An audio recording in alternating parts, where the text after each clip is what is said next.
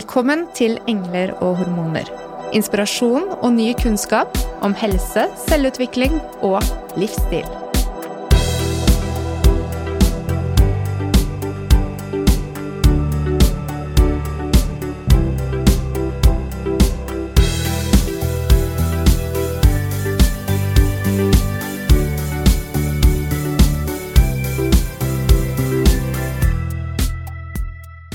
I ukens episode blir vi kjent med brystkreft som diagnose, og hvordan behandling og pakkeforløp for brystkreft foregår i praksis i Norge i dag.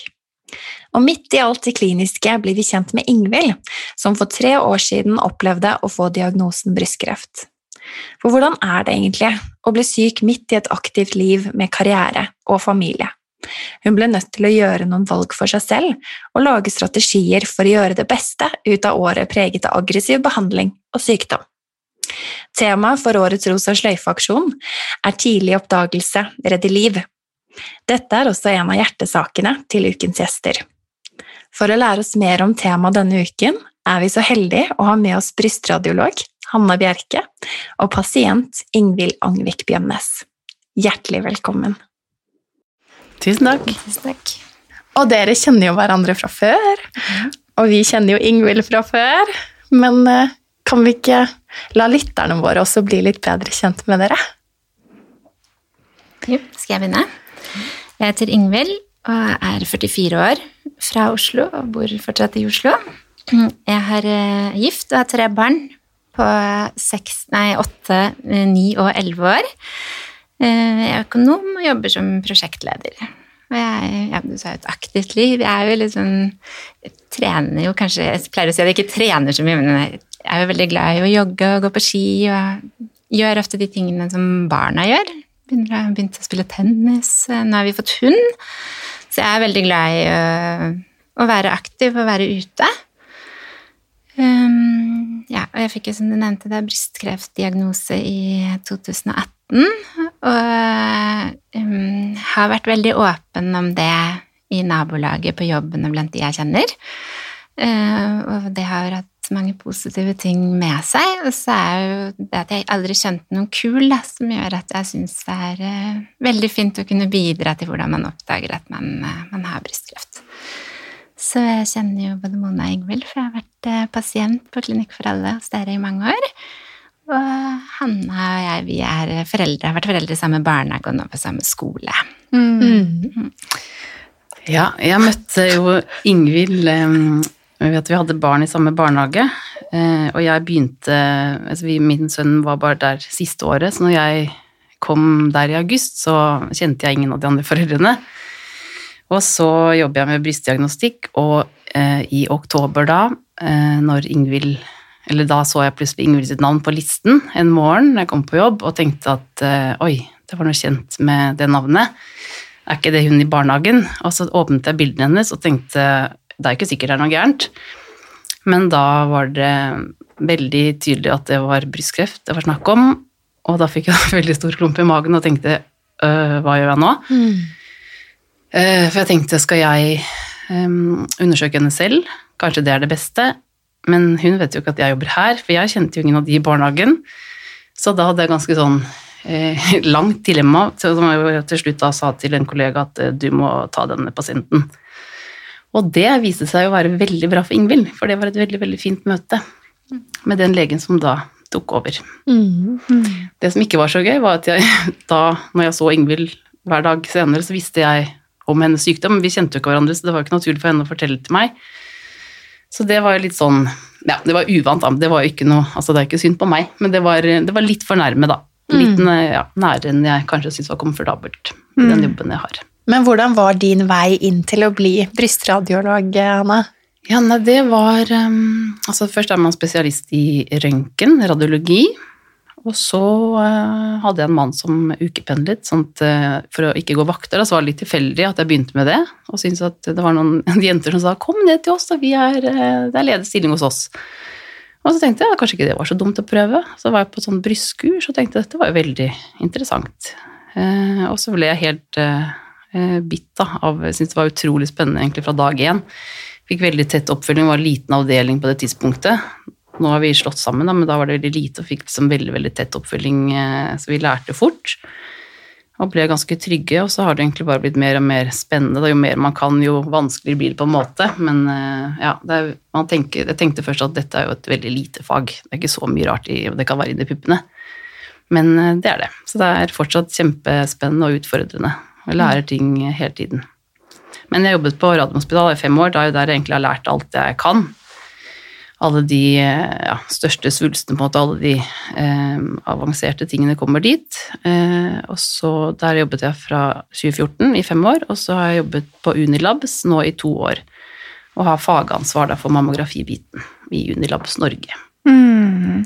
Så hvem er det da du møter på Unilabs? Uh, er det de som blir for innkalling til mammografi, eller er det de som på en måte har vært hos fastlege og videre blir henvist derifra? Eh, alle som skal ta røntgenundersøkelse, uansett hva det er, må ha en henvisning. Men det kan være alt fra de som har valgt å ikke gå i det offentlige programmet, men som bare av en eller annen grunn startet privat og tenker at det er greit. Noen vil ha det årlig, så da kommer det dit. Og så er det noen som ønsker ultralyd i tillegg, som kanskje ikke har kjent noe, da, eller sånn årlig sjekk. Ehm, så har vi også de som har kjent kuler kanskje noen altså, eh, Sykehusene får veldig mange henvisninger, mye med sånn ømhet og smerter, som er et, eh, et normalt symptom, da, men det, det, er noen ganger det må avvises når de ikke måte, har kjent noen kul eller andre ting. Mm. Så da, de tar vi imot, på en måte, og så har vi avtale med sykehusene kontroller etter brystkreft. Det er jo nettopp dette med kuler som vi kanskje har fått med oss som kvinner, at vi, vi, skal bli kjent med brystene våre, vi skal kjenne etter om det er noen endringer, og så om det er en kul, så blir vi kanskje bekymret av å oppsøke lege. Men eh, sånn var det ikke helt for deg, Ingvild. Kan du ikke fortelle litt om eh, hva du opplevde i perioden før du fikk din første undersøkelse? Ja. Um man tenker jo ofte liksom at man leter litt av en sånn, sånn, liten kul som kanskje ligner litt på en drue, eller litt sånn I hvert fall har jeg tenkt det, at det er en liten kul inni brystet. Og det har jeg aldri, aldri kjent. Så dette begynte egentlig med at jeg jeg tror det var sånn på våren i 2018, merket at det venstre brystet ble større hver gang jeg fikk mensen, og så ble det mindre enn etterpå. Når man har eh, vært gravid tre ganger, ammet tre ganger, så er man jo vant til at kroppen forandrer seg litt. Så det er ikke sånn at jeg stusset sånn kjempemye over at uh, brystene forandret seg. Så sier jeg brystene nå, for i starten så la jeg ikke engang merke til at det bare var det ene. Mm. Så, så, det gikk liksom, liksom frem mot sommeren uten at jeg dvelte så veldig mye ved det. Um, men så, før jeg dro på ferie, så, så nevnte jeg det for mannen min, og så googlet jeg det. Og det var liksom vanskelig å vite hva man skulle google, for jeg tenkte jo selvfølgelig ja, hva kan være galt med brystene, det kan være brystkreft. Eh, så jeg googlet det og litt andre ting, og så fant jeg veldig mye info om kul. Eh, ikke så veldig mye annen info eller symptomer som stemte med det jeg kjente. Eh, når det er sagt, så sto det at det sto noe sånn som at dersom brystkreft skal egentlig ikke gjøre vondt, med mindre det har kommet veldig, veldig langt. Mm. Eh, og det falt meg rett og slett ikke inn. At jeg kunne ha brystkreft som hadde kommet veldig langt. Så jeg dro eh, på sommerferie uten noe veldig stor bekymring om den, eh, det brystet. Og så da jeg kom tilbake utover høsten, så begynte jeg å legge merke til at det gikk ikke helt tilbake igjen. Mm. Så det ble større, og så ble på en måte bare det ene brystet større enn det andre. Og det gikk ikke helt tilbake.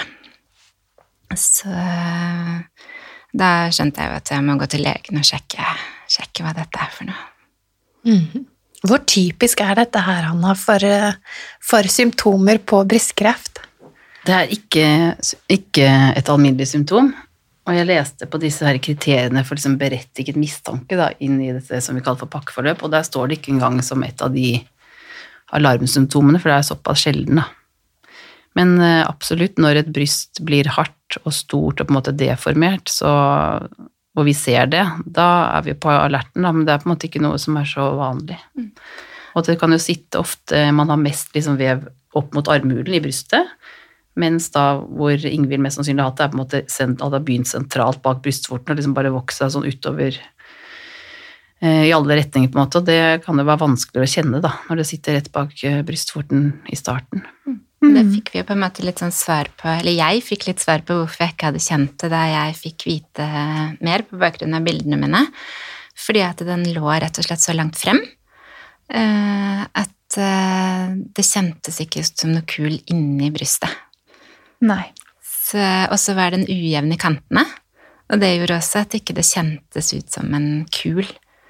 Eh, Men for eksempel det symptomet som Hanna nevnte nå, med at det er hardt, det var det jo. Mm. Så det er jo et symptom som jeg kunne ha plukket opp der hvis det hadde stått mer spesifikt. Og så er det jo ikke sånn at Jeg er litt redd for å, at folk nå skal bli redd for alt. Det er jo ikke sånn. Men jeg hadde jo innerst inne skjønt at her er det et eller annet galt. Men jeg fant bare ingen, eh, ingen symptomer som stemte. Mm. Kanskje vi kan få høre litt fra deg, Hanna, hvilke symptomer som er mest vanlige også, sånn at vi kan ta med oss det inn i episoden også. Ja. Eh, Å kjenne en kul, og det er det absolutt vanligste, det er eh, de fleste kommer med. Og de, altså det er veldig mange som har kuler i brystet, og det skal sies at de fleste av de kulene er ikke kreft. De fleste kulene er ondartede, nei, er godartede. Mens en kreftskull, den er litt eh, hard. Jeg tenker, pleier å sammenligne liksom en stein som er litt sånn taggete og sitter litt fast. Det er sånn det typiske. Og så er det jo hvis den sitter eh, langt frem mot huden, så kan det være lettere å kjenne enn hvis den sitter eh, langt ned i brystet mot brystmuskelen. Da kan denne at det bare er sånn økt konsistens, som vi sier. At det er liksom at hvis man drar over at det er hardere, en hardere slags hump, da ikke veldig typisk en kul. Så det er det de, de fleste kommer med. Um, og gjerne hos de eldre så er det jo liksom at det utvikler seg en kul liksom over tid, sånn at det kjennes veldig tydelig. Da. Um, et annet symptom er at det kommer blod fra brystvorten av seg selv, ikke man skal aldri liksom klemme, da det er ting som kommer spontant, som vi er opptatt av. Blod. Eh, Da kan det være kreftceller liksom inni melkegangene som kommer ut, eller hvis det er helt blank. De to tingene er vi opptatt av, men det trenger heller ikke å være brystkreft alltid, for det finnes noen andre typer svulster i melkegangen som kan produsere væske og blod, men det skal i hvert fall undersøkes nærmere, da. Og så har vi det vi kaller appelsinhud, hvor huden på en måte blir sånn fortykket, at det blir sånn ruglete, eller at det er et søkk, en sånn inndragning, og det er det mange som misforstår, for de kan komme med et- strekkmerke liksom, og si her er det et søkk, men et søkk er liksom hvis man ser for seg at noe sitter inne og trekker innover, liksom. At det blir sånn slags Da tenker jeg liksom på enden på appelsinen, hvis man tar bort den der steinen, det blir sånn skrukkete inndragning. Det er et symptom. Og så er det kul i armhulen. Det er også veldig mange ting. Noen har jo små kviser og betente hårsekker og, og liksom fettoppfylninger, men det er liksom store, uømme, runde klumper da, i armhulen. Det kan være et tegn på spredning da, rett og slett fra brystkreft, som man kanskje ikke har kjent noe i brystet først, så det skal også tas tak i. Mm, og så er det sår på brystvorten. Det kan være kreft liksom i selve brystvorten eller eh, bak. Sånn at eh, hvis man har hatt eksem eller sår og prøvd alle mulige soppkremer og kortisonkremer og ingenting hjelper, på en måte, så er det noe som skal undersøkes. Og så er det det da med mm, Man kan ha rød eller blålig misfarging. Det kan jo på en måte, er som et inflammatorisk kreft, som også er veldig sjelden, men det ligner jo litt på brystbetennelse som man ser hos ammene, men som regel ikke i den alderen, gjerne hvis det kommer hos eldre skal man være på hugget. Og så er det det da med endret form, størrelse eller kontur av brystet, som Ingvild da opplevde etter hvert. Jeg tenker Det er jo et poeng å kjenne brystet sitt. fordi sånn som Vi som jobber veldig mye med kropp og tar på pasienter i behandling, så, så vil jo det å kjenne mot eh, brystmuskulatur, pectoralis minor den er ofte veldig stram hos mange.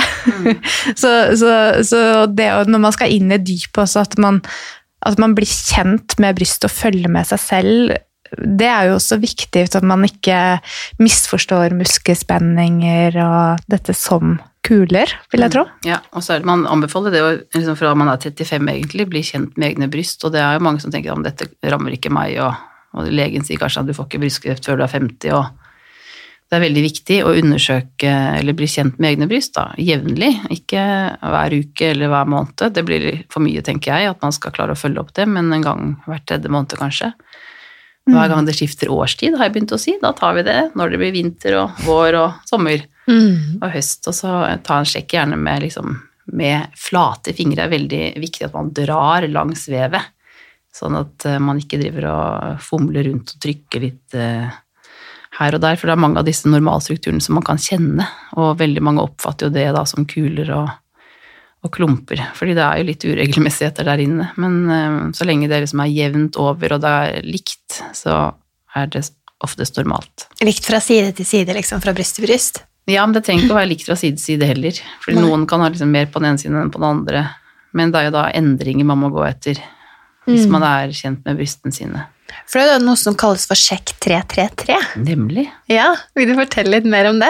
Nei, da er det jo at jeg er veldig opptatt av at man skal Eller man kan undersøke seg i dusjen òg, men jeg tenker hvis, spesielt de som har litt store bryst, det er jo ikke så lett eh, Så jeg pleier å si at man skal ligge, og så ha armen bak nakken.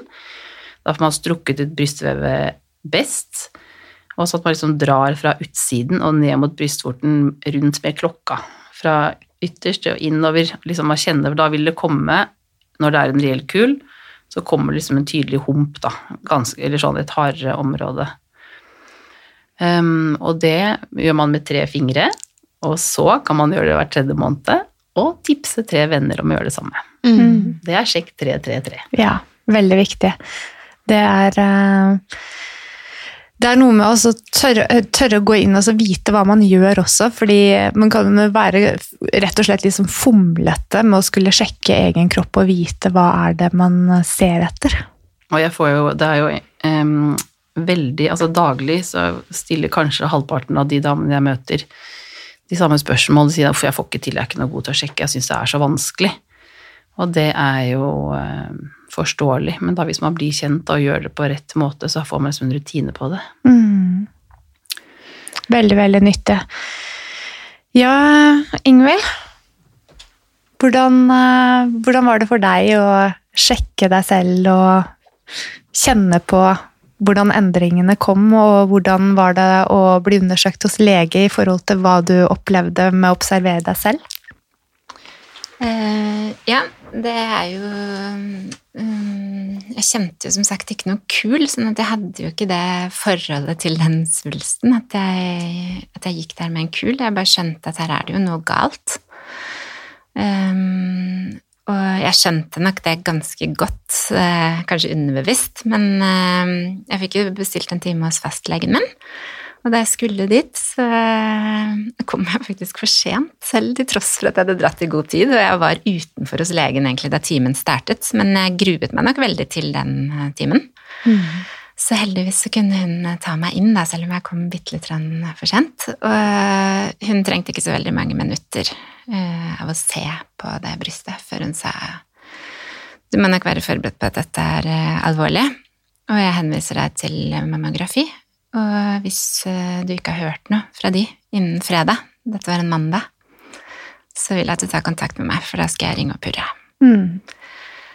Det er jo ganske harde ord. Nå har jeg hatt samme fastlege i veldig mange år, så hun kjenner meg, kjenner meg, så hun vet nok at jeg tålte å høre det på den måten, at det kanskje var bedre for meg å høre det sånn.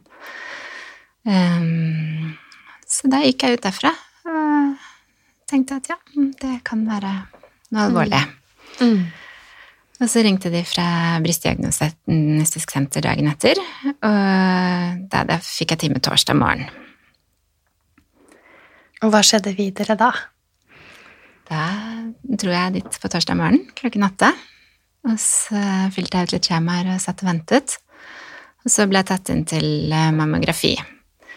Og da legger de jo rett og slett puppen din inn i en maskin. Eh, Noen syns det gjør veldig vondt. Eh, Da jeg tok eh, mammografi av det brystet som hadde brystkreft, så gjorde det ganske vondt. Mm. For det var hardt. Det andre brystet syns jeg ikke gjorde noe vondt. Så gikk jeg ut og satte meg igjen, og så ble jeg litt senere kalt inn da til ultralyd og biopsi. Og da, det var jo det Hanna refererte til, at da hadde hun sett mitt bilde. Eh, og eh, ultralyd det er egentlig sånn som kanskje noen har gjort når de er gravide. Men Det er et apparat som de bare tar over brystet, da ser de eh, kulen. Um, og biopsi, det er at de stikker inn en sånn nål hvor de henter ut vev. og sender den inn til, til prøver, da. Så mens jeg lå der, så snakket jeg litt med legen om, om hva jeg hadde kjent også, og hun sa at uh, det fins flere typer brystkreft. Noen er hormonsensitive, så med de symptomene du har hatt, så tenker jeg at det kan være naturlig å tenke at det kan være en hormonsensitiv eh, svulst, siden den endret størrelse med syklus. Og øh, videre så sa hun at øh, ja, jeg kan jo ikke vite noe sikkert nå før jeg har fått prøveresultatene dine, men øh, jeg har hatt brystkreft selv, og jeg har tre barn, akkurat som deg. Og jeg tror at du kan forberede deg på at du har brystkreft, um, uten at jeg kan si det helt sikkert. Men uh, det du skal si til barna dine når du får diagnosen For de fleste barn de har hørt om kreft, og det er jo litt sånn når man er mor, så er det jo din største skrekk etter at barna, barna skal bli syke, så er jo at det skal skje noe med deg selv eller far. Så da sa hun at uh, de fleste barn har hørt om kreft, uh, så det du kan si er at jeg har fått en sykdom som heter kreft, men jeg har fått uh, brystkreft, og det fins det veldig god behandling for. Så de aller fleste som har brystkreft, de får medisin og blir helt friske. Mm. Og når hun sa det sånn, så visste jo jeg også at hun vet ikke om jeg har spredning, hun vet ikke noe sikkert enda, men måten hun sa det på, det gjorde meg veldig trygg på at jeg skulle få en god behandling. Og det la veldig føring for hvordan jeg skulle takle den neste uken da, frem til jeg fikk diagnose. Ikke sant? Mm. Så da var det jo en en radiolog som var ganske sikker i sin sak egentlig bare ved å se på bildene, men hvor ofte er det det egentlig er sånn, Hanne? Nei, vi ser det ganske ofte, er vi ganske sikre. Mm. Spesielt i Ingvild sitt tilfelle. Der var det ikke noe tvil. Og så er det liksom noen svulster viser seg veldig tydelig, men det er også veldig ofte at vi er usikre, og både på mammografi og ultralyd. Eh, og, at, og vi blir stadig vekk overrasket når vi får prøvesvar. Så det, de som er sånn usikre kuler, det, det, er jo det som også er litt spennende for oss. Det er, sånn er veldig givende at er, vi blir egentlig aldri utlært. Noe er veldig tydelig ondartet, noe er veldig tydelig godartet, og så er det veldig mye imellom, da. Mm. Jeg husker et bilde som du har hatt på din Instagram, Brystradiologen, eh, av et kråkereir i et, eh, eller kråkeredde i et stort tre. Nemlig. Og at det liksom var svulsten.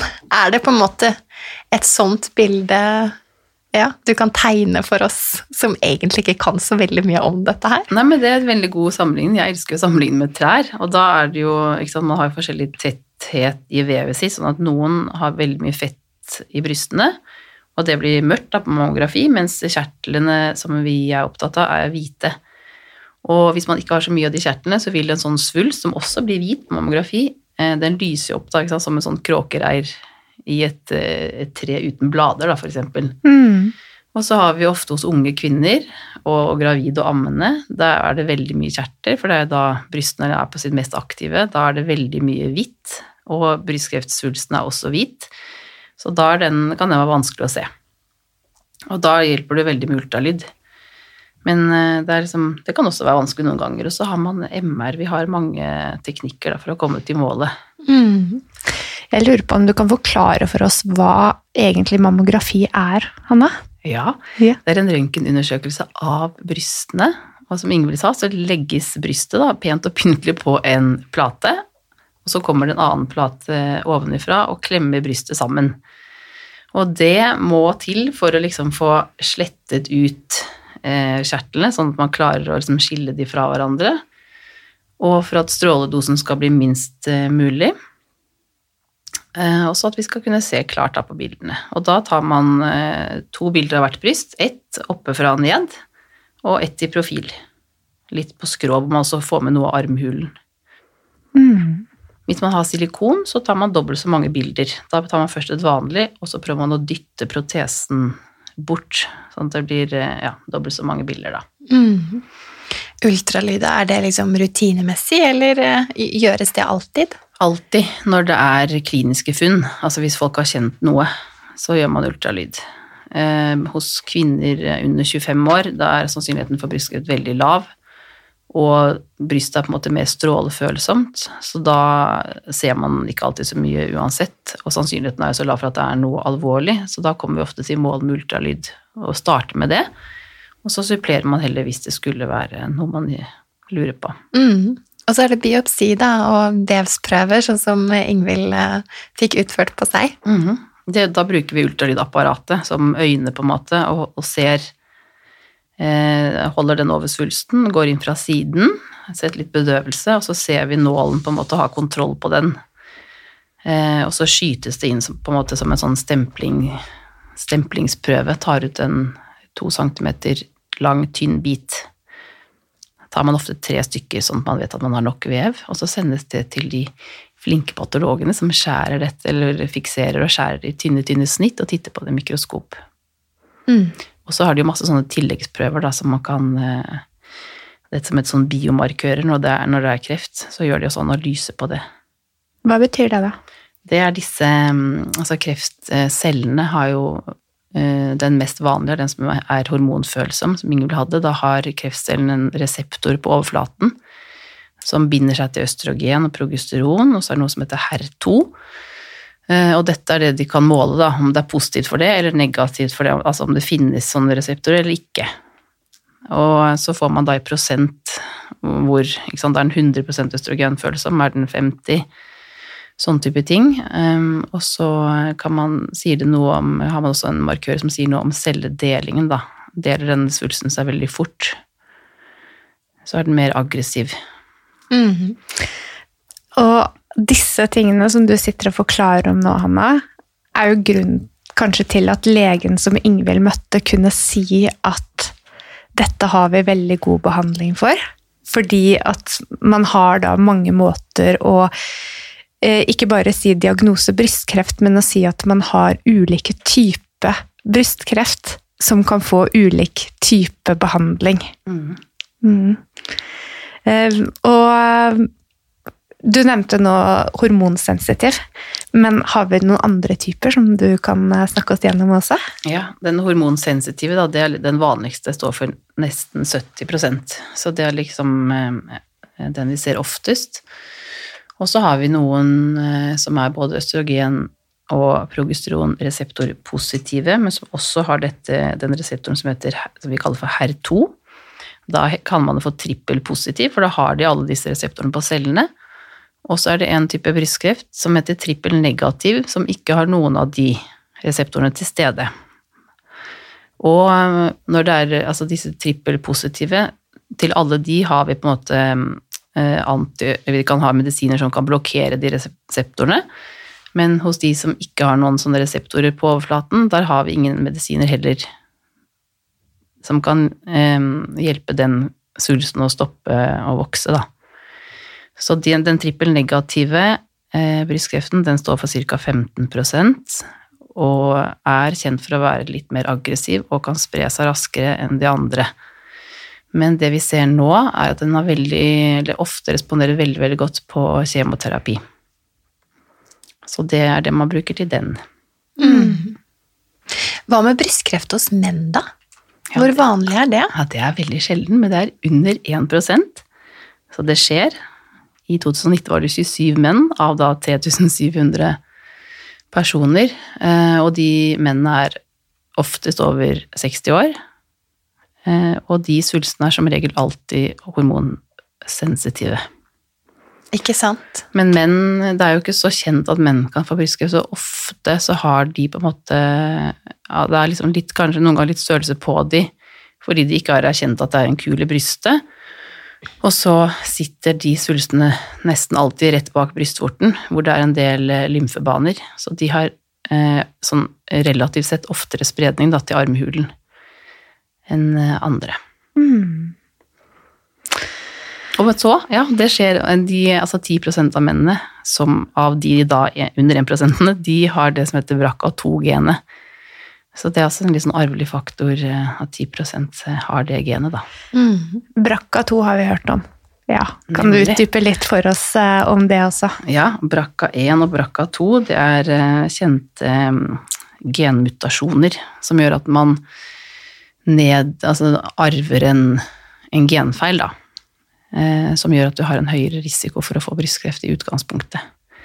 Og BRCA1 er, gir en, en, større risiko enn BRCA2, men begge to er såpass vi kaller sånn høypenetrante genfeil at man, hvis det blir påvist, så ønsker man å fjerne både eggstokker og bryst for å sånn profylaktisk. Mm. For å unngå.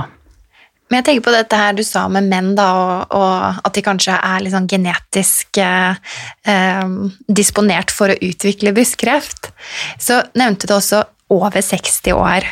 Har det da noe med hormonsystemet også til menn å gjøre? At de har kanskje lavere eh, nivåer med testosteron og kanskje økte nivåer med østrogen i kroppen? Ja, det er kjent at de ofte har økte nivåer av østrogen.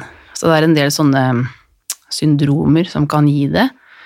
Og eh, så undersøker man for andre typer sykdommer også som kan gi økte hormonnivåer, da. Overvekt, Men, ja, kanskje? overvekt også er jo, fører til liksom opphopning av østrogen i fettvevet, så det er også en faktor. Mm. Hva med dette her og altså For vi kvinner, som kjent, har jo eh, veldig eh, Et spennende hormonsystem som jo varierer gjennom livet. Og hva er det det har å si for utvikling av brystkreft? Kan man si noe f.eks. om eh, alder for når du utvikler brystkreft, og prognose f.eks. sett opp imot hormoner og status på det? De fleste er jo sensitive for østrogen, men det tenkte jeg på fordi kvinner har veldig, sant, veldig mye hormoner i sving i ung alder, men de fleste som får brystkreft, er jo over 50 år. Altså 80% er over 50 år. Så det har jo absolutt Man vet jo at østrogen er en kjent eh, faktor da, for brystkreft, men eh, prognosen den er veldig avhengig av brystkreftens egenskaper og stadiet den blir påvist på. Så et tidlig stadium er veldig viktig for en god overlevelse. Og hvis det oppdages tidlig, og det ikke er spredning til lymfeknuter, så blir nesten alle helt friske av det. Mm. Så det er gode tall? Ja, det er gode tall. Mm. Men de som har fjernspredning, det er den grafen der liksom, det er veldig sånn altså Generell prognose er jo på over 90 men den som heter stadium 4, hvor man på en måte har fjernspredning, den holder seg ned på 30, og den er liksom jevnt lav. Men mm. Eh, det går oppover, da. Men, eh, så det er, altså hvis man oppdager det tidlig, så er det Eller ikke har fjernspredning, så går det bra med de aller, aller fleste. Og med fjernspredning så mener du at eh, det er spredning via lymfebanene til ikke de nærmeste lymfeknutene, men ja, ut i kroppen? Ut i andre organer. Mm. Eller lymfeknuter som ligger lenger unna enn ja, nærmeste stasjoner. Mm. Ja. Har du lyst til å dele litt, Ingvild, om hva slags type brystkreft du fikk? Ja. Eh, jeg hadde jo da den hormonsensitive typen.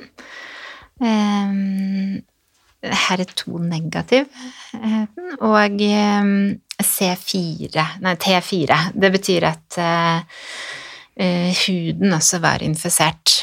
Og de eh, hadde også lokal, det de kaller lokalavansert. Det betyr at det er spredning til de nærmeste lymfeknutene.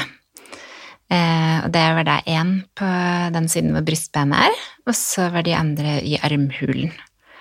Så det har jo ganske mye å si for hvilken behandling man får, da, hvordan eh,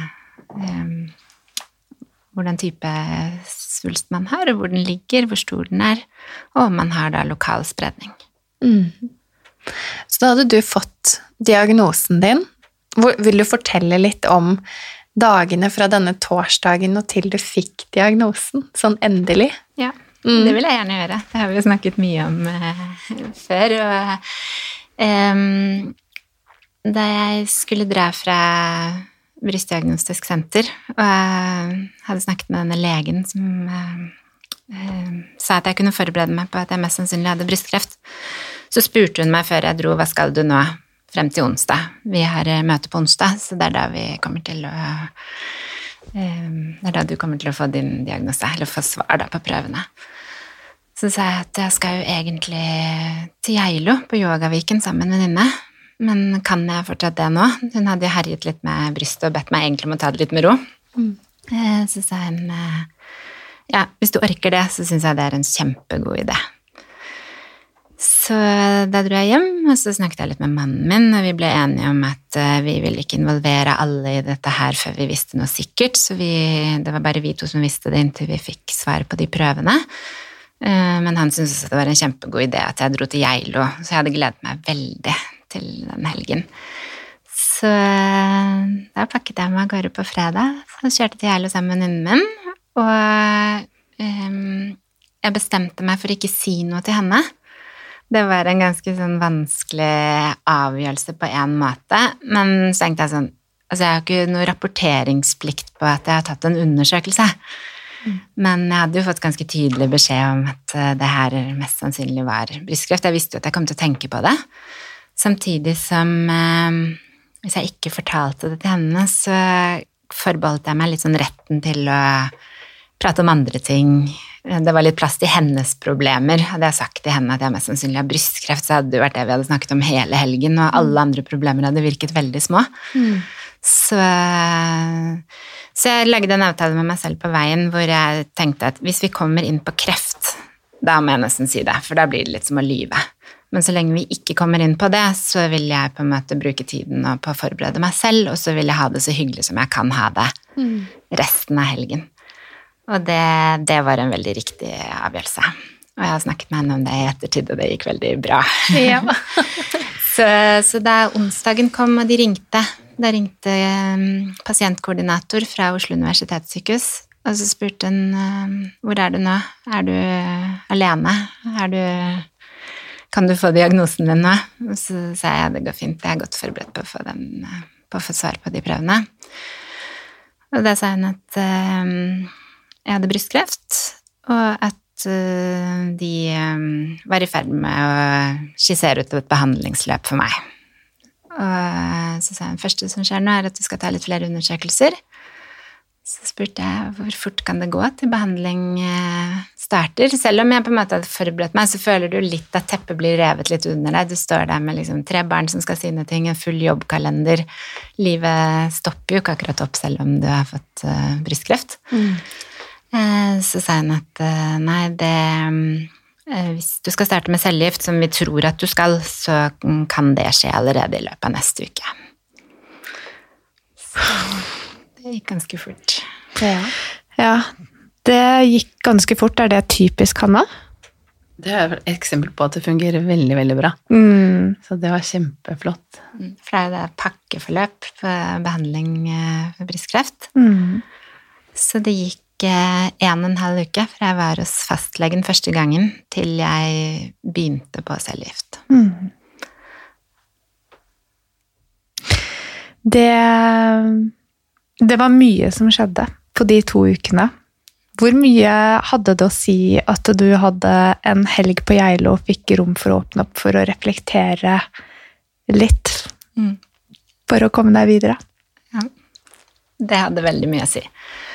Um, så um, For det første så var det jo veldig viktig at de legene jeg møtte For dette var jo alvorlig. Jeg kom på ingen måte tidlig.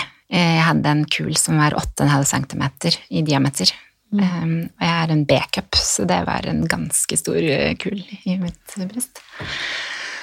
Um, så det at jeg fikk så tydelig beskjed, det ga meg muligheten til å forberede meg. Og um, jeg har drevet litt med yoga tidligere også, og yoga henger jo tett sammen med mindfulness og veldig mange av de teknikkene dere har vært inne på i deres tidligere podkaster også, mental trening. Eh, Det er noe med at på yogamatten så kan du ta med deg problemer. Du kan velge å ikke ta med deg problemer. Ehm, Sånn at eh, jeg kjente at jeg hadde dette her med meg hele helgen. Ehm, og så hadde vi en sånn eh, Det var et foredrag på lørdagen som jeg tror egentlig handlet om noe helt annet, men jeg brukte det til det som hadde verdi for meg, og det var jo å finne ut hvordan kan jeg rigge meg best mulig nå for å takle dette her hvis jeg faktisk har brystkreft. Og, og da kom det veldig, veldig klart for meg at hvis jeg skal være en eh, god mor og være de tingene som jeg ønsker å være, så må jeg ta godt vare på meg selv. Jeg må få nok hvile, jeg må ta vare på helsen min, jeg må være god mot meg selv, og jeg må liksom bli kvitt litt den der kritikeren som dere har vært inne på veldig mange ganger i deres podkaster, eh, hvor du, du selv blir aldri bra nok for deg selv. Så det å lage en helt klar avtale om at jeg skal være god mot meg selv, og gjøre ting eh, som var bra for meg, det gikk jeg ut derfra med. Og så um, tenkte jeg at helse er veldig viktig oppi det. Um, så jeg satte meg som mål at jeg skulle være tilbake der et år senere. Mm. Og yoga kan jo være så mye. Yoga kan jo være bare å ligge på matten. Så på en måte så var terskelen for å komme tilbake dit et år senere, det kunne jo være alt fra at du klarer å reise til Geilo, til at du kan gjennomføre en hel ashtanga-time. Men, mm. uh, men, jeg kom i hvert fall ut derfra med en helt klar idé om hva som var viktig, og, og et helt tydelig mål. Nå er det jo kanskje ikke sånn for alle at det å reise en helg til Geilo, da klikker alt plass eh, for å kunne håndtere situasjonen rundt å få en alvorlig diagnose. Eh, hva er det ved deg, Ingvild, som gjør at eh, du kommer dit på en helg? Hvilke, hvilke, tanker har du om det? Hva er det du har med deg som gjør at det, det hjalp deg så mye? Ja. Um, nei, jeg pleier å si at Eh, eller tenke at hvis du har livet som en sånn skala fra én til ti, hvor én og to og tre er sånn skikkelig dårlige ting i livet Brystkreften er liksom godt ned på en ener. Uh, og så er det de aller, aller beste tingene i livet, som er niere og tiere. Som bare du kjenner at det bare bruser av glede i hele kroppen. Um, hvis man har vært nede noen ganger på de toerne og treerne, da, så setter man jo veldig mye mer pris på de gangene hvor det går skikkelig, skikkelig, skikkelig bra i livet. Og veldig mange opplever jo små og store kriser i livet. Så jeg har jo et par sånne uh, større, mindre kriser i mitt liv som har gjort at jeg har tatt tak i, tak i ting. Um, det Og det å kjenne sin egen historie litt, det å kanskje ha brukt litt av noen av de verktøyene som dere har vært innom veldig mange ganger. med Eh, bli kvitt tankekjør, sette opp verdiene sine. Det er jo ikke sånn at man gjør det én gang og så er man ferdig, det er jo litt kontinuerlig arbeid, men har man gjort det en gang før, så er det lettere å plukke det opp igjen senere. Eh, så det gjorde nok at jeg kom raskt frem til hva som var viktig, viktig for meg. Mm. Og så ble jo dette en kontinuerlig prosess gjennom hele sykdomsløpet, så det første var jo litt det å forberede meg på den diagnosen. Og jeg trodde litt at jeg skulle inn i et sånt sort hull. Jeg ante ikke hva jeg gikk til. Eh, til at eh, jeg tenkte hvordan kan jeg, hvordan kan jeg faktisk gjøre de tingene jeg nå har sagt til meg selv at jeg skal gjøre?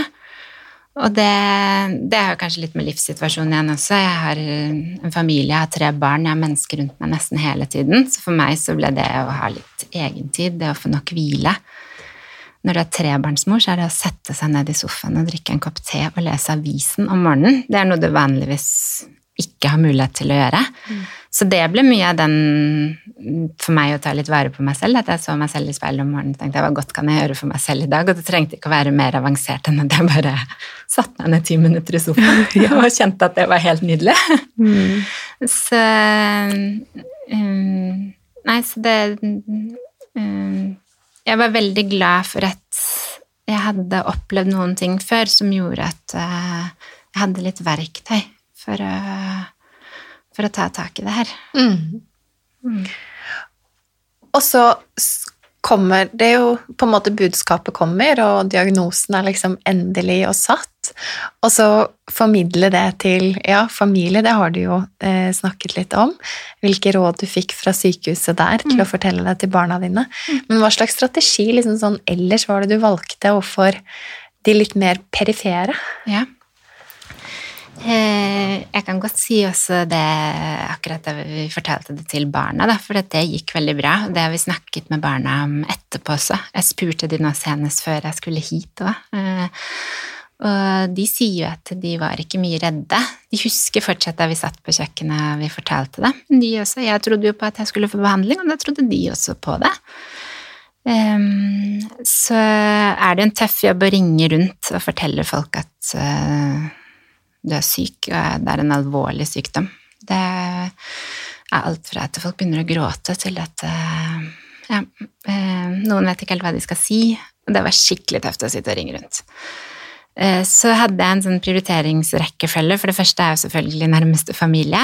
Eh, Men så tenkte jeg at jeg vil ikke at barna mine skal komme i den situasjonen hvor de sitter hjemme hos noen ved middagsbordet, og så er det plutselig de som må fortelle til foreldrene til vennene sine at mamma har brystkreft. Så de som sto and på min liste, det var foreldrene til vennene til barna mine.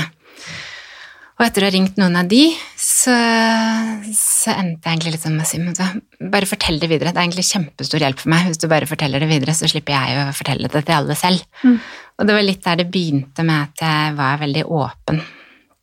Eh, både og på jobb så hadde jeg også en stilling der jeg hadde personalansvar. Um, og da tenkte jeg at det er bare greit å være åpen, så folk kan gjøre hva de vil. De kan spørre hvis de vil, og de trenger ikke å spørre hvis de ikke vil. Um, jeg var veldig redd i starten, for jeg var så redd for at folk skulle synes synd på meg. Men uh, det ble egentlig bare å åpne en dør til at folk fikk muligheten til å bry seg. Muligheten til å hjelpe. Og jeg opplevde egentlig bare enorm sånn støtte og varme fra alle. Alt fra foreldre på skolen til kollegaer til eh, ja, alle rundt oss.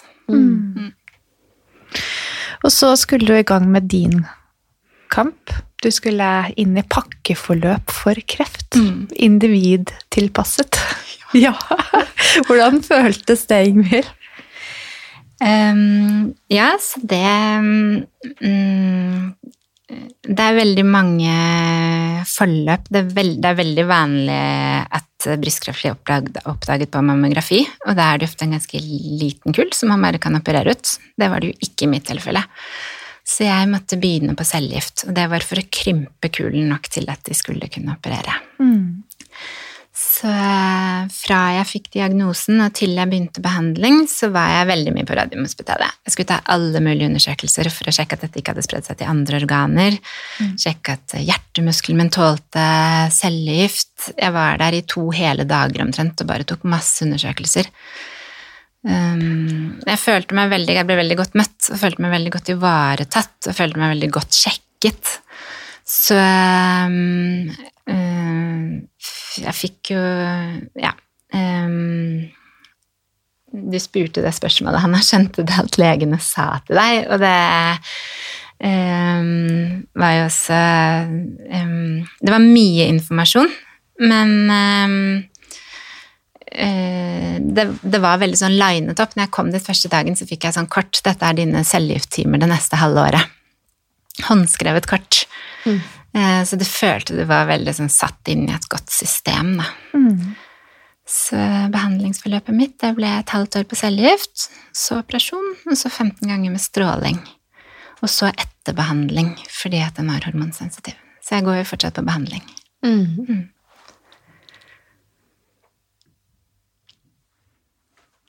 Men hva er det individtilpasset behandling egentlig betyr når det gjelder liksom, eh, brystkreft i dag? Ja, hvor har du det bladet hvor det sto så fint? Nei, det er at man skal eh, altså, se på eh, hvert enkelt menneske, da, ikke sant. Vi har, det er nesten, altså, svulsten er nesten like forskjellig som vi mennesker. At man ser på svulstens egenskaper og til, em, tilrettelegger behandlingen etter det. Alder. Og så eh, for eksempel finnes det en ny test hvor man kan analysere svulsten og se hvem som eh, har nytte av cellegift, og hvem som ikke har det. Slik at de som ikke trenger det, kan eh, spare seg liksom for de bivirkningene og kanskje senvirkningene det har. For eksempel. Men man tilrettelegger da hvert, eh, til hvert individ og dens eh, krefttype. Mm. Mm. Så det er veldig mye god behandling og mye god forskning også på, på vei. Ja, og jeg leste eh, senest for et par dager siden, tror jeg, at, ikke, at målrettet behandling også kan være ingen behandling. Nemlig det leste vi. Ja. Ja, og da tenkte du på dette med det med forstadier Mm. i, eh, til kreft i brystet. Det er Når vi driver med screening, så finner vi altså noe som heter forkalkninger. Det kan være alt fra helt godartet, helt åpenbart godartet, til usikkert og helt åpenbart ondartet. Men når det er noen bitte, bitte små kalkorn da, som har kommet kanskje fra sist, så er man jo veldig i tvil, da, ikke sant. Kanskje er dette et begynnende stadium til forstadier, det vil si at eh, kreftcellene bare ligger inne i melkegangene, og de gjør kanskje ikke så mye ut av seg. Um, og så er det jo sånn da, at vi skal jo på en måte gjøre jobben vår, så da blir jo de fanget opp og går videre, og når de da blir tatt biopsi av, så finner man jo at det er forstadier, og da regnes det som kreft og blir fjernet. Det man ikke vet, er hvilke av disse som blir liggende i ro. Altså, det er jo, for, det er jo kreftceller i melkegangen, men hvem ligger der kanskje i mange år, i dvale på en måte, og hvem utvikler seg raskt? Og det vet vi ikke ennå. Så det forskes det på nå. Og, um, men det er kanskje litt vanskelig å, å, være med i en studie hvor du sier du har eh, brystkreftceller. Eh, vil du være med og bare vente og se mm. hva som skjer? Men de, altså det, de blir jo Hvis man skal gjøre det på den måten, så blir man jo fulgt opp veldig tett, da. Og vi vet at det som heter grad 1 av disse her forstadiene, de, da er det bare 30% som utvikler seg til brystkreft, men er det grad 3, som er liksom Da er det litt mer virvar i eh, den uryddigheten. Da, det, da utvikler nesten alle seg til brystkreft. Mm. Det er veldig spennende. Basert på akkurat det du sier der, så tenker jeg veldig på livmorhalskreft og forløp og celleforandringer, og når er det du bare følger opp med videre prøver, og når er det du på en grad tre da, skal mm. koniseres? Ja. Det høres veldig likt ut. Mm. Men det er jo det at vi ikke helt vet hvem som utvikler seg og ikke, da, ennå. Men det har jo vært diskutert liksom i, i fagmiljøene, skulle man på en måte med de to kaldkornene kanskje valgte å ikke ta de inn, da, så se. Men eh, det er jo litt sånn etisk dilemma. Mm. Men også, man vet jo at man eh, vil jo bekymre veldig mange kvinner også. Kanskje da i flere år, mm. som var unødvendig. Kanskje hadde hatt veldig god livskvalitet da, i de eh, seks årene det eventuelt tok, hvis det ble noe. Kanskje det aldri ble noe ut av det. Det er et det er viktig poeng. Ja. Alder, da, har det noe å si? Ja, disse som vi ofte ser disse forandringene på, er på de screeningdamene, da, som er ja. mellom 50 og 69. Og da har vi god oversikt. Ofte er det ikke så mye kjertler, sånn at det, sånn type forkalkning, forkalkning, kan jo synes eh, bedre. Men ja. noen ganger er det veldig tydelig at det har kommet mange korn på et sted liksom fra to år før. Mm. Så da, da, tar man biopsi. som vi gjør jo det egentlig på veldig mange nå, men det er jo veldig spennende forskning akkurat det der, hva som kommer til å skje senere. Ja, for det, det spørsmålet som har kommet opp i klinikk, det er også dette hvis man har vært innom, inne i det screeningprogrammet, men så kommer ut pga. alder og er over 70, men allikevel har da oppdaget fra før forkalkning og fortetning, eh, og man skal fortsette å gå jevnlig til oppfølging eller, eh, eller ikke. Nei, sånn, altså, Forkalkninger er det veldig mange som har, men er de suspekte, så skal de være ferdig utredet, på en måte. Man slipper ingen sånn i uh, uvissheten. Men uh, det er jo anbefalt at man fortsetter uh, å ta mammografi, i hvert fall til man er 74, og det ønsker vi jo i Norge at det skal utvides, mammografiprogrammet. Fem år i hver retning, både at man starter på 45 og fortsetter til 74. Så det mm. er til vurdering i Helsedirektoratet nå. Ja, ikke sant. Spennende. Ja, jeg håper veldig det, fordi det er jo ikke sånn at når man blir 70, ja, da er man frikjent for kreft. Man ser derimot en økning i, hos de eldre. Og noe av det er jo også fordi at eh, folk er flinke til å gå og sjekke seg at man oppdager det tidlig. Mm. Så statistikken øker da, men som man må huske. Jeg roser de som kommer eh, der hvor jeg jobber, da, ikke sant? fordi der eh, kan de jo velge å betale for det tilbudet selv, at de kommer og fortsetter mammografi. Da kan man eh, gå over fra hvert andre år til hvert tredje år. Ja, Men, Så da trenger man ikke henvisning? Man trenger alltid henvisning når man skal ta en røntgenundersøkelse. Ja. Og det kan du jo si, på vanlig screening trenger man ikke det, fordi det er et tilbud. Mm. Så jeg tenkte hvorfor må vi ha det her, men det er Strålevernet som har bestemt da, fordi at det er røntgenstråler. Mm. Riktignok veldig lite. For de som er redd for det. Det er ikke, ikke, ikke mye. Ikke sant. Men jeg mener å ha hørt at det skjer et skille ved 40 år om du får brystkreft før og etter. Er det noe i det, og prognose? Eller er det mer liksom type kreft som man får? Ja, det vil si altså 4% av de som er Eller for brystkreft er under 40 år, så kanskje det er derfor skillet du har hørt om er der. Mm. Noen får det jo før det også, men bare 4 det er ca. 150 i året. Og så har du jo da Eh, at den grafen på en måte begynner å stige eh, fra 40 år, men at den virkelig liksom der man har valgt å sette screeningalderen, er på en måte der man ser at man redder flest liv, da, eller i hvert fall da screeningprogrammet ble mm, startet. Eh, At man da, sant, da redder du flest, så må man sette en, en cutoff, sånn eh, cost-benefit. Men det er absolutt eh, Det er jo da ja, 18 som er under 50 år, så det er jo en femtedel. Og det er jo ek, kanskje ekstra vanskelig hos de unge å kjenne det, også fordi det er så mye aktivitet i brystene, og det er tett vev, kanskje er man gravid, ammer, så det har ofte kommet eh, til et uh, lengre stadie da, hos de unge. Det er uh, Derfor er det jo ekstra viktig å kjenne brystene sine, sånn at man kan oppdage endringer. Ja, ikke sant? Jeg tror det er veldig mange som tenker at dette angår ikke meg, og, eller ikke, ja, ikke tør å kjenne etter, eller ikke gjør det. Så det er veldig, veldig viktig.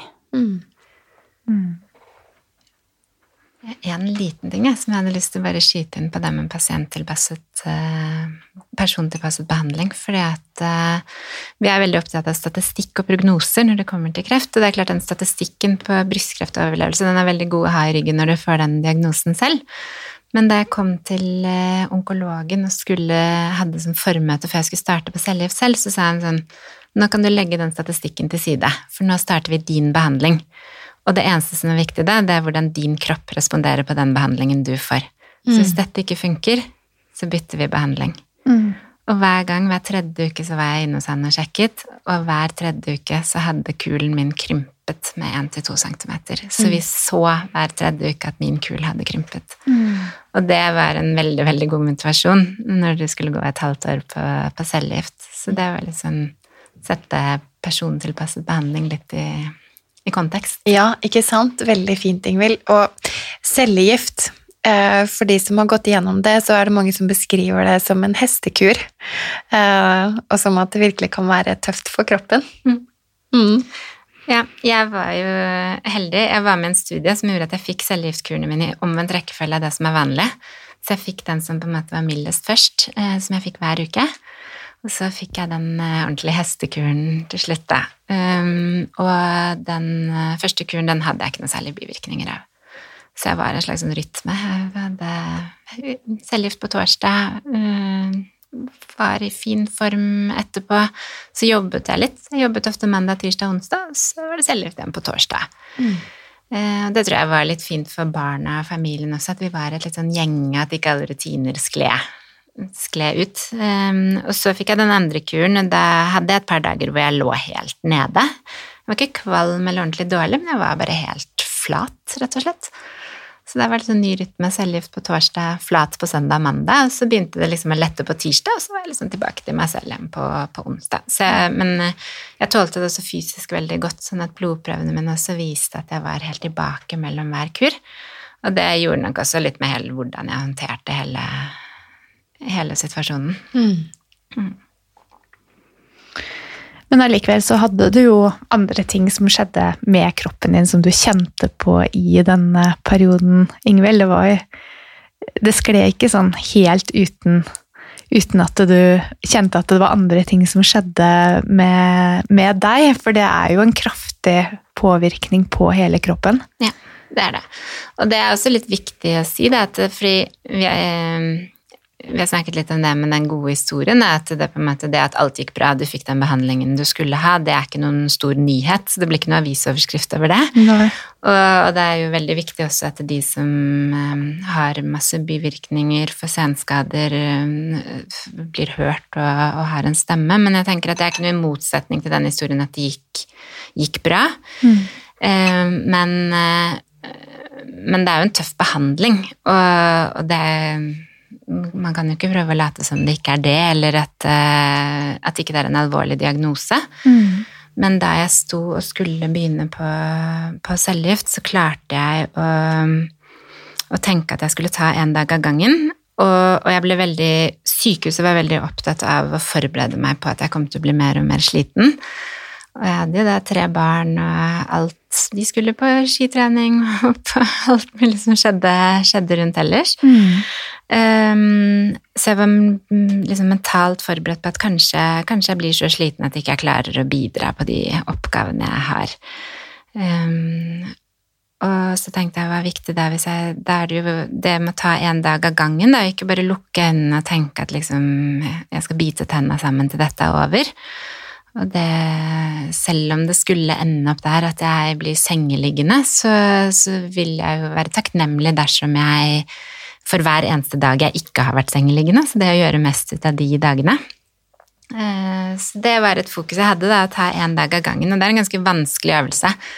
Det er liksom det å stå i prosessen. Mm. Så er det jo mange andre ting som skjer også parallelt, at man mister håret og eh, Ja, de andre tingene jeg alltid hatt Grunnen til at jeg kjenner dere, er at det er mye vondt i nakken og, og ryggen. Det blir jo ikke borte selv om man går på cellegift, kanskje snarere tvert imot. Så man har jo på en måte livets andre problemer å hanskes med samtidig. Mm.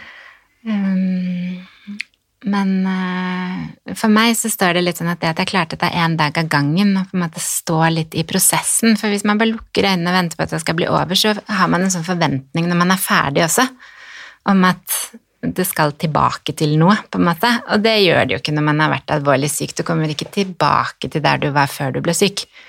Livet går jo fremover, ikke bakover. Sånn at mm. eh, Men det gjorde jo kanskje også at en del ting som jeg ikke hadde trodd at jeg skulle kunne gjøre, da. Den, den søndagsskituren med familien og hadde en del sånne boost gjennom det halvåret hvor jeg liksom jeg var så sykt glad for å kunne være med familien på skitur den søndagen at det liksom bare boblet oppe for meg etterpå.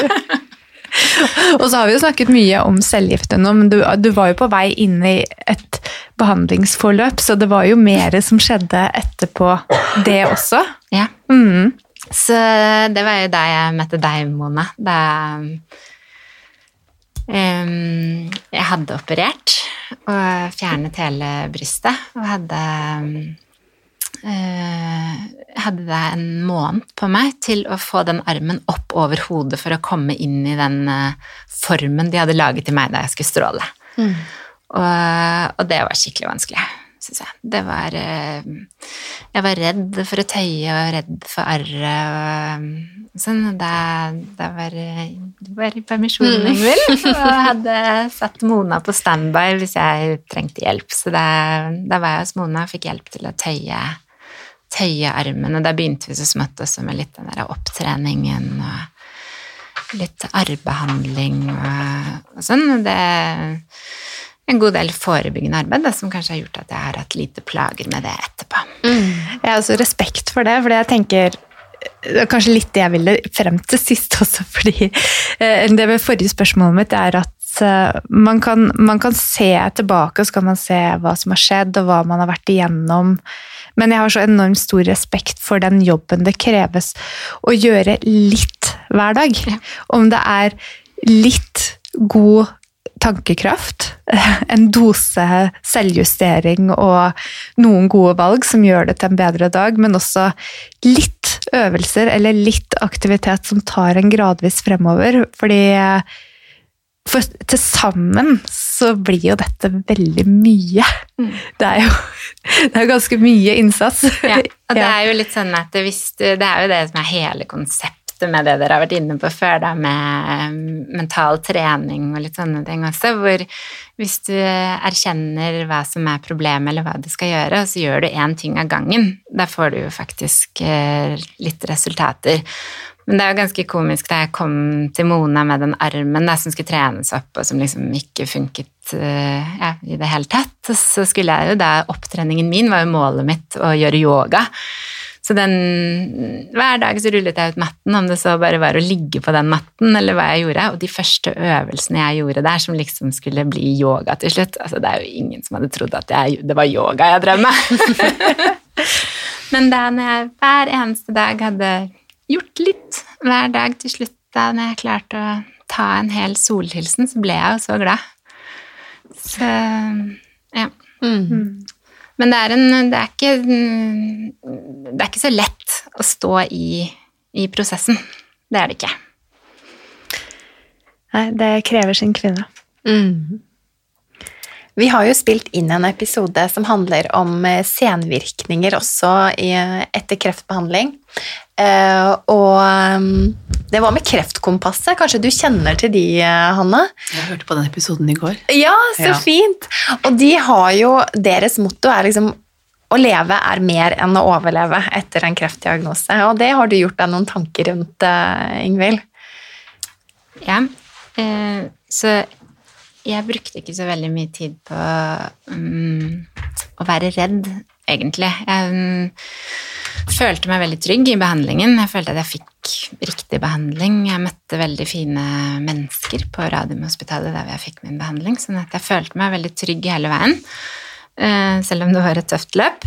Eh, og, eh, men, og jeg har ikke brukt veldig mye tid på å, å være bekymret for at jeg f.eks. skulle dø. Men når man ser på en del av de senskadene som man kan få, så har jeg jo vært bekymret for å få, få senskader. Alt fra lymfødem til fatigue til Ja, det er mye bivirkninger av de medisinene her. Mm. Og, og, når jeg tenker på de tingene som er viktige for meg, det er å kunne være ute, være med familien på skitur, alle de tingene, så, så ble jo den setningen 'å leve er mer enn å overleve', den, eh, den ga veldig mye mening for meg. Mm. For det, eh, det dreier seg jo om livskvalitet, og det er jo forskjellig fra liv til liv hva man eh, liker og hva man setter pris på, men i mitt liv så hadde jo det blitt veldig annerledes hvis jeg ikke kunne vært med på de aktivitetene resten av familien min gjør. Mm. Mm. Og nå har dere jo fått dere hund, ja. så nå må du jo Blir ikke noe mindre ut på tur nå. Nei. Det er utrolig inspirerende å høre på deg, Ingvild, og det har vært inspirerende og fint midt oppi alt det som kan være vondt og vanskelig også, de, å kunne følge deg gjennom de siste årene. Um, og ja, hva tenker du, Hanna, om det å liksom høre litt også om de gode historiene? Ah, nei, jeg ser jo nesten aldri eh, menneskene igjen da, etter at jeg på en måte har vært den som har gitt beskjeden om hva jeg tror det er, for jeg pleier å være ganske ærlig på det. Så jeg er veldig Jeg blir så imponert og stolt over Ingvild, som har klart å liksom ta én dag av gangen og ha sånne klare mål. Mm -hmm. Så det står det veldig respekt av. Jeg tror ikke det er så lett for alle, men, eh, og det har det ikke vært for deg heller, men det er liksom utrolig fint å høre en sånn historie, syns jeg, som eh, Ja, at det går bra, og det har Ja, at det har gått fint. Veldig viktig stemme, tenker jeg, for ja, for så mange damer der ute. Mm -hmm. Og så er det litt viktig å si det med mål, da, for det å være tilbake på Geilo på Yogaviken, det var jo et litt stort mål. Men sånn en enkelt dag så kunne målet være å ja, sette seg i sofaen og ta en kopp te. Bare Det kunne være veldig små ting som mm. jeg setter pris på. Og det kan jo være noe helt annet noen andre setter pris på. Men, eh, men det å ha de små målene, det er det som fyller dagen din med, med glede og, og, gode øyeblikk. Og det er liksom at hvis man har liksom noe positivt hver dag, så, så blir ting automatisk litt lettere. Mm. Du har jo snakket om disse litt sånn ekstra hyggelige frokostene hvor man har rukket å tenne lys og liksom kanskje lage noe liksom ekstra godt til gutta, eller liksom ha, ha litt bedre tid da, i hverdagen, også midt oppi sykdommen, at det også kan ha vært en god opplevelse. Ja, og det Jeg valgte å jobbe, jobbe litt og orket det, og syntes det var veldig fint for både meg og min familie at vi var i en litt sånn rytme hvor handling, klesvask, alt som bare gikk i litt sånn vanlig dur. Mm. Eh, men det at jeg var 50% sykemeldt, det gjorde også at jeg var en del mer hjemme enn det jeg var vant til. Hadde mye bedre tid til alle sånne andre oppgaver. Kjøre til og fra trening og, og sånn. og jeg lot også barna da gå hjem fra skolen litt tidligere noen dager, sånn at, eh, fordi at jeg var hjemme. Så jeg har jo noen minner fra den vinteren hvor f.eks. de to eldste gutta kommer hjem fra skolen en eh, tirsdag, litt sånn rød på nesa, det var vinter og litt kaldt, og så mener de at de fortjente kakao siden det var så mm. kaldt ute. Så tenkte jeg ja, ja, vi kan vel unne oss litt kakao, så da satt vi rundt bordet, kjøkkenbordet en tirsdag klokka tre og drakk kakao. Og det er jo vanligvis ikke noe jeg har mulighet til i det hele tatt når jeg jobber uh, fulltid. Så, så, det er jo Jeg tror ikke jeg hadde opplevd de øyeblikkene hvis jeg hadde lukket, tennene, tennene, nei, lukket øynene, bitt tennene sammen og bare ventet til det var over. Mm. Så sitter igjen med ganske gode minner, faktisk, fra det, det halvåret. Det hadde jeg ikke trodd i forkant. Nei. Det er veldig fint å høre på. Um, Jeg ble veldig lettet, da, apropos det, for jeg syntes det var veldig vanskelig å tilnærme meg i og med at jeg visste uh, hva hun var igjennom, men ikke kjente henne. Så det når jeg, på en måte uh, var et sted hvor du uh, snakket om det, så kastet jeg meg liksom på og syntes det var utrolig befriende at du var så åpen. Veldig, veldig lett. For det er jo mange som syns det er vanskelig å vite hva det skal si, og, og mange syns det er veldig vanskelig å dele også, vite hva man skal si. Så det var jo veldig, veldig fint at du gjorde det og var så åpen. Det, det tror jeg hjelper mange. Mm.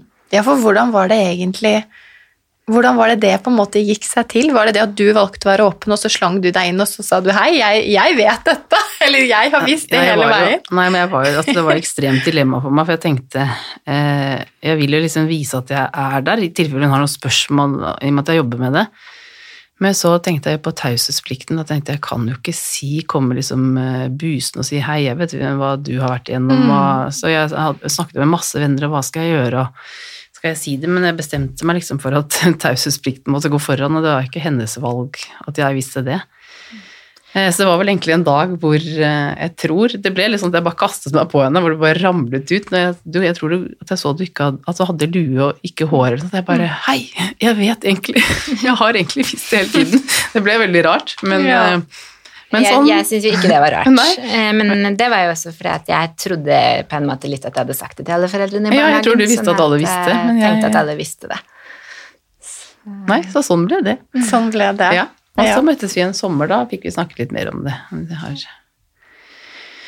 hytter litt sånn i nærheten av hverandre, så da snakket vi litt om det. Og så var det jo dette her med den Ja, når jeg startet den brystradiologen, da var jo Ingvild veldig god eh, heiahjelp, syns det var veldig fint. Og hvor jeg prøver å dele litt eh, ja, masse informasjon som folk lurer på, da, om alt mulig egentlig i bryst. For det er så mange som kommer og er kjempenervøse. Eh, ja, nesten alle er på en måte veldig, veldig redde idet de kommer inn, og så ja, på en måte og har de samme spørsmålene. Hva er det som er vanlig? Hvordan kjennes en kul ut? norsk etter mammografi? Det er de samme ting som går igjen og igjen og igjen. Og igjen. Og det har jeg holdt på med i årevis og tenkt at dette må jo liksom må få ut info til folk om et sånt viktig tema som, altså, som ingen egentlig vet noe om. Det er veldig rart. Så derfor har jeg startet den kanalen på Instagram. Ja, det er kjempefint. Der heter du Brystradiologen, for de som ikke har fått det med seg, og absolutt vel verdt å følge. Dere har kommet med så mye fin og god informasjon i løpet av episoden i dag, men jeg lurer på, er det noen ting dere har lyst til å fremheve? Og som dere tenker er liksom de viktigste budskapet til, til lytterne våre? Ja. Jeg tenker jo litt på det med, som er tema for årets Rosa sløyfe i år, da, med tidlig oppdagelse kan redde liv. Og det er jo mye av grunnen til at jeg har valgt å være åpen også. At jeg aldri kjente den kulen, og aldri hadde de helt klassiske symptomene. Sånn at eh, jeg setter veldig pris på å få lov til å være med og bidra til å spre informasjon om hvordan man kan oppdage brystkreft. Mm. Og så er det jo oktober, og det betyr jo også at det er eh, ja, rosa sløyfe. Og det er jo ikke bare en informasjonsmåned, men eh, det er jo også sånn at kampanjen samler inn penger, så det er kanskje en liten oppfordring til lytterne våre å gi en liten donasjon. Hanna, er det noe du har lyst til å komme med? Helt avslutningsvis. Eh, Når det gjelder årets eh, aksjon, Oppdag kreft tidlig, så er det veldig, veldig viktig at kvinner, spesielt kanskje fra 30-35 års alder, er flinke til å undersøke brystene sine. Jeg tror veldig mange glemmer det og tenker at det ikke rammer meg, men hvis man gjør det, så vil man oppdage endringer eh, så tidlig som man kan. Og når man oppdager en eh, svulst tidlig og det ikke er spredning, så blir så å si absolutt alle helt friske. Så det er et veldig, veldig viktig budskap. Mm. Og kanskje litt mindre komplikasjoner og et litt mindre omfattende behandlingsløp. Mm, det blir mye kortere behandlingsforløp. Da er det vanlig å på en måte fjerne kulen, og så eh, stråle det området. Og kanskje ta bort én lymfeknute, så det blir jo mye mindre påkjenning for kroppen også. Mm. Tusen hjertelig takk for at dere kom i studio i dag og delte av denne viktige kunnskapen og erfaringen som dere har gjort, begge to. Takk for at vi fikk komme. Jeg er helt sikker på at eh, denne episoden kan være med på å redde liv. Det tror jeg òg. Tusen takk at vi fikk komme.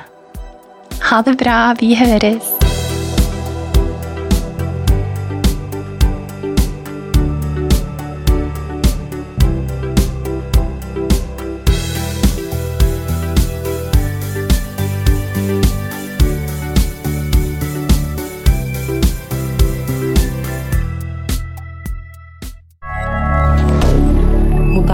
Calendar.